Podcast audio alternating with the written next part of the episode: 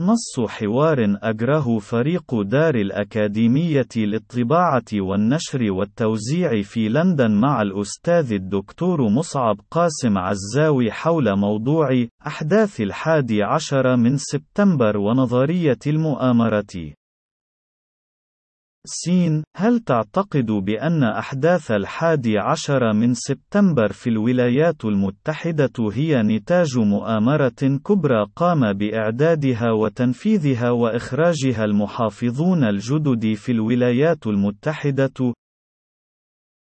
جيم نظرية المؤامرة جذابة ومثيرة للانتباه بشكل فائق قد يستنزف قدرات وطاقات الكثير من المبدعين والمجتهدين الذين ينزلقون مرغمين أو غير دارين بانزلاقهم في الثقب الأسود الذي لا بد من الانزلاق في منعرجاته لكل مهتم وهو محق بكشف ملابسات مؤامرة ما يحتمل أنها قد تم تمت وراء الكواليس وأفضت إلى طوفان من الخبث طال الكثير من حيوات البشر.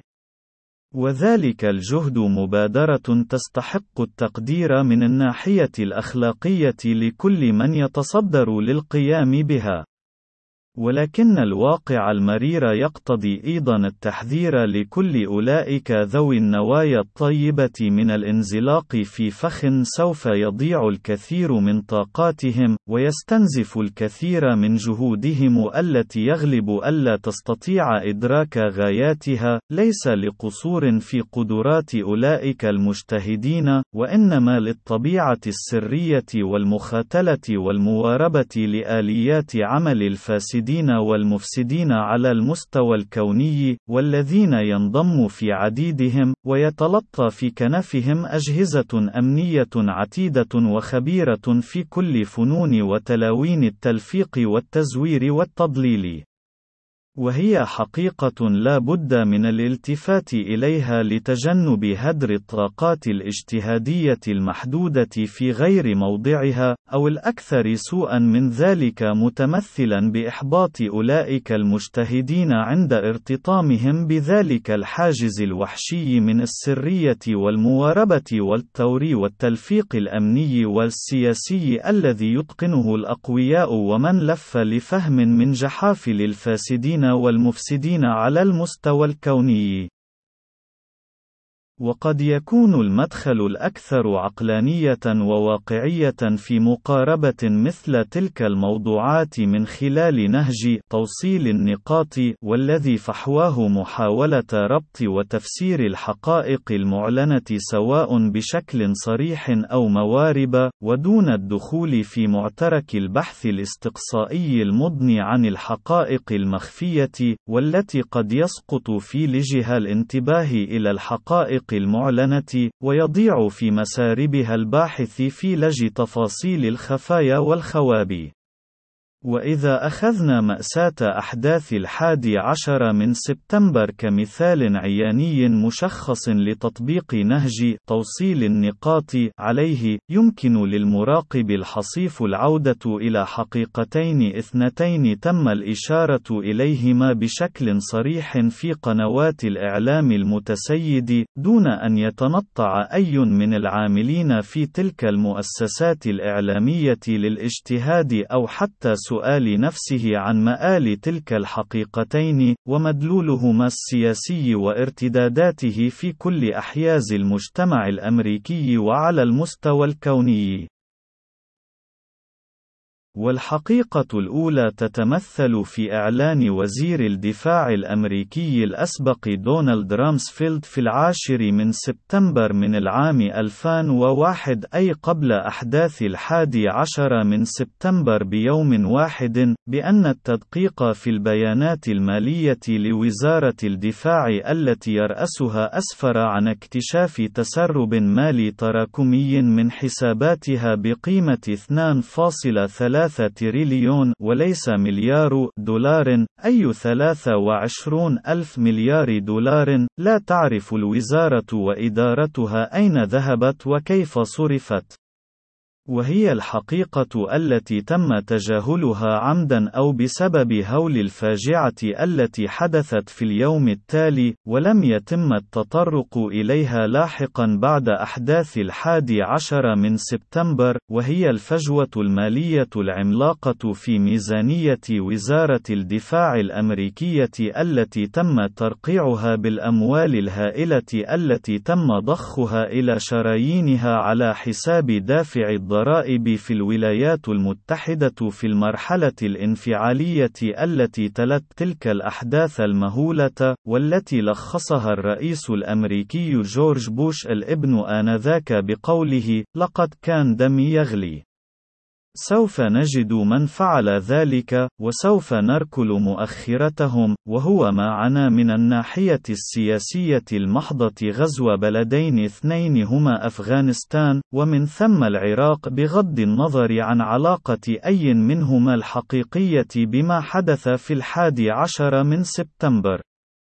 والحقيقة الثانية تمثلت في واقع التراجع الاقتصادي العميق الذي كانت تعيشه الولايات المتحدة قبيل أحداث الحادي عشر من سبتمبر، جراء عقابيل انبثاق فقاعة استثمارات وشركات دوت كوم في مارس من العام 2000، ونتج عنها تراجع بمعدلات تصل إلى حوالي 400% في أسهم الشركات الكبرى المدرسة المدرجة في مؤشر ناسداك ناسدق الأمريكي، وهو ما عنا أزمة وجودية في أس الجوهر المحرك للاقتصاد الأمريكي الذي تمثل تلك الشركات الكبرى مصلحة تشخيص صلاحية نظامه، وهو الذي لم يجد من مخرج أمثل لحل تلك الأزمة سوى ما تم الإشارة إليه في وثيقة أصدرها مشروع القرن الأمريكي الجديد، وهو مركز أبحاث اسمه باللغة الإنجليزية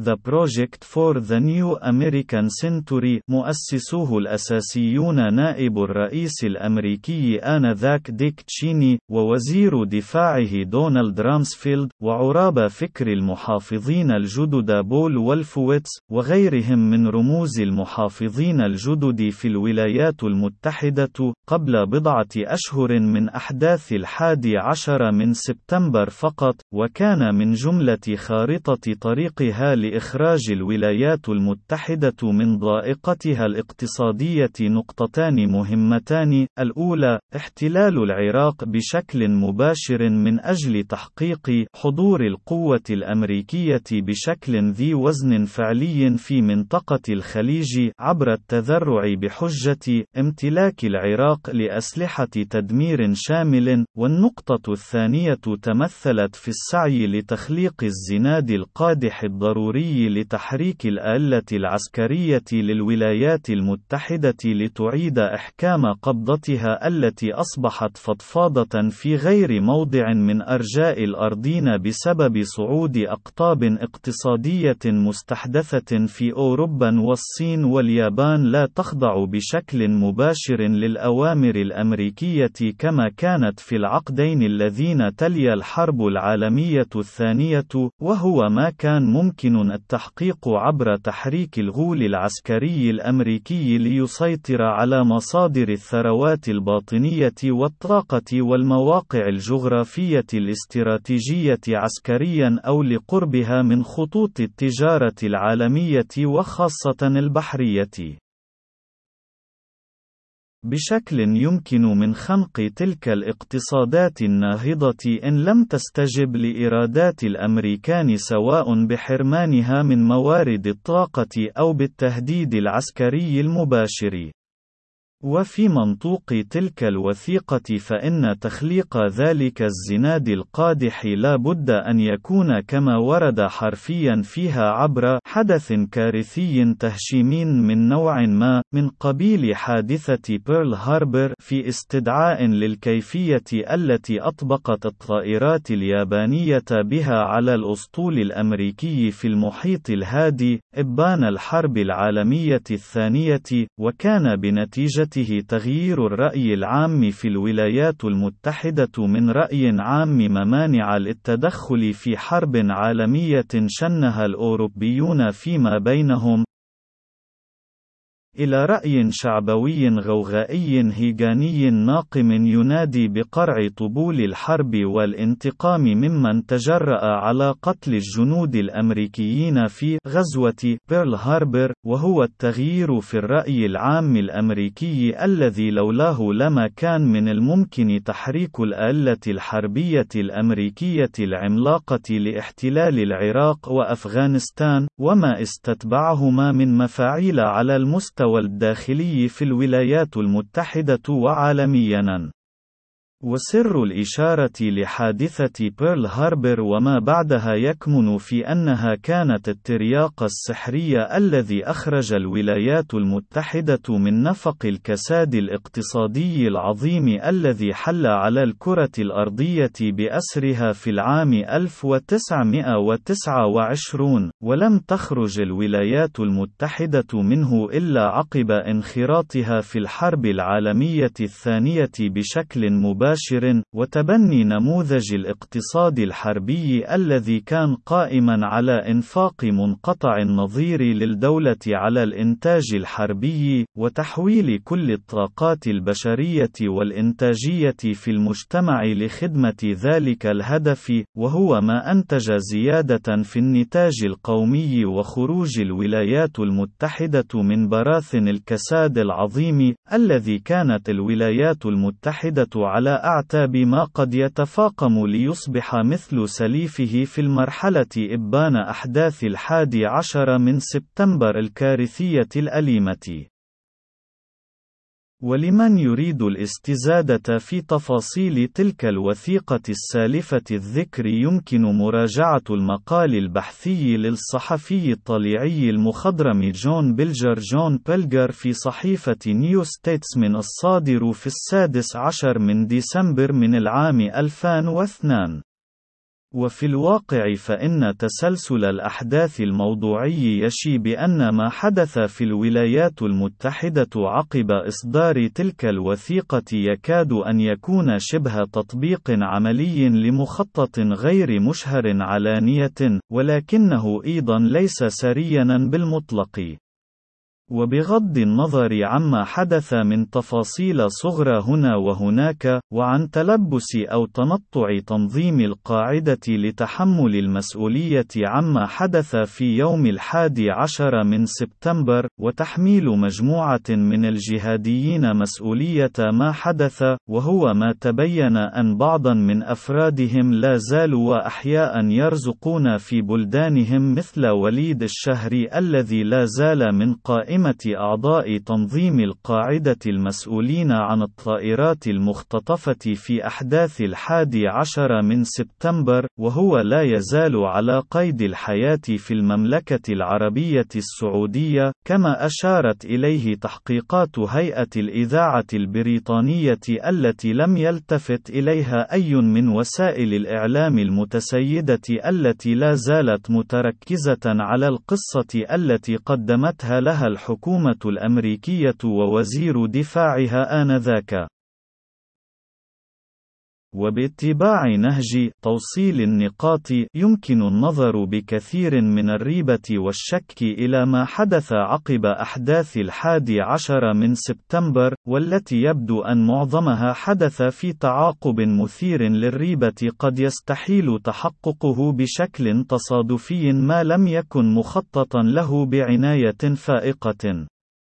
وهو الاستنتاج الذي لا بد أن يقودنا بشكل عقلاني إلى عدم الانزياح لدائرة إثبات ذلك الاستنتاج المنطقي بدلائل دامغة أكثر لصعوبة الوصول إليها كما أشرنا إليه آنفًا، بالإضافة إلى أهمية عدم هدر الطاقات الاجتهادية المحدودة في تلك الجلجلة، وضرورة توجيه بوصلتها باتجاه كشف المفاهيم المفاعيل الكارثية التي أنتجتها أحداث الحادي عشر من سبتمبر على مستوى الشعوب المستضعفة ومجتمعاتها، ومحاولة الاجتهاد قدر الممكن لتصحيح عقابيل ذلك بكل شكل متاح، وعدم نسيان الواجب السرمدي اللازم على كل قادر عليه بعقله أو لسانه أو قلمه أو صوته، وأعني هنا واجب منافحة الاستبداد المقيم والذي كان توطده بأشكال بربرية مستحدثة في العالم العربي أحد أهم نواتج أحداث الحادي عشر من سبتمبر منظورا إليها من زاوية المستضعفين المقهورين الذين دفعوا أثمانا باهظة تتجاوز بآلاف مؤلفة الأثمان المفجعة التي دفعها المواطنون الأمريكيون في ذلك اليوم المشؤوم أو الذي صير مشؤوما.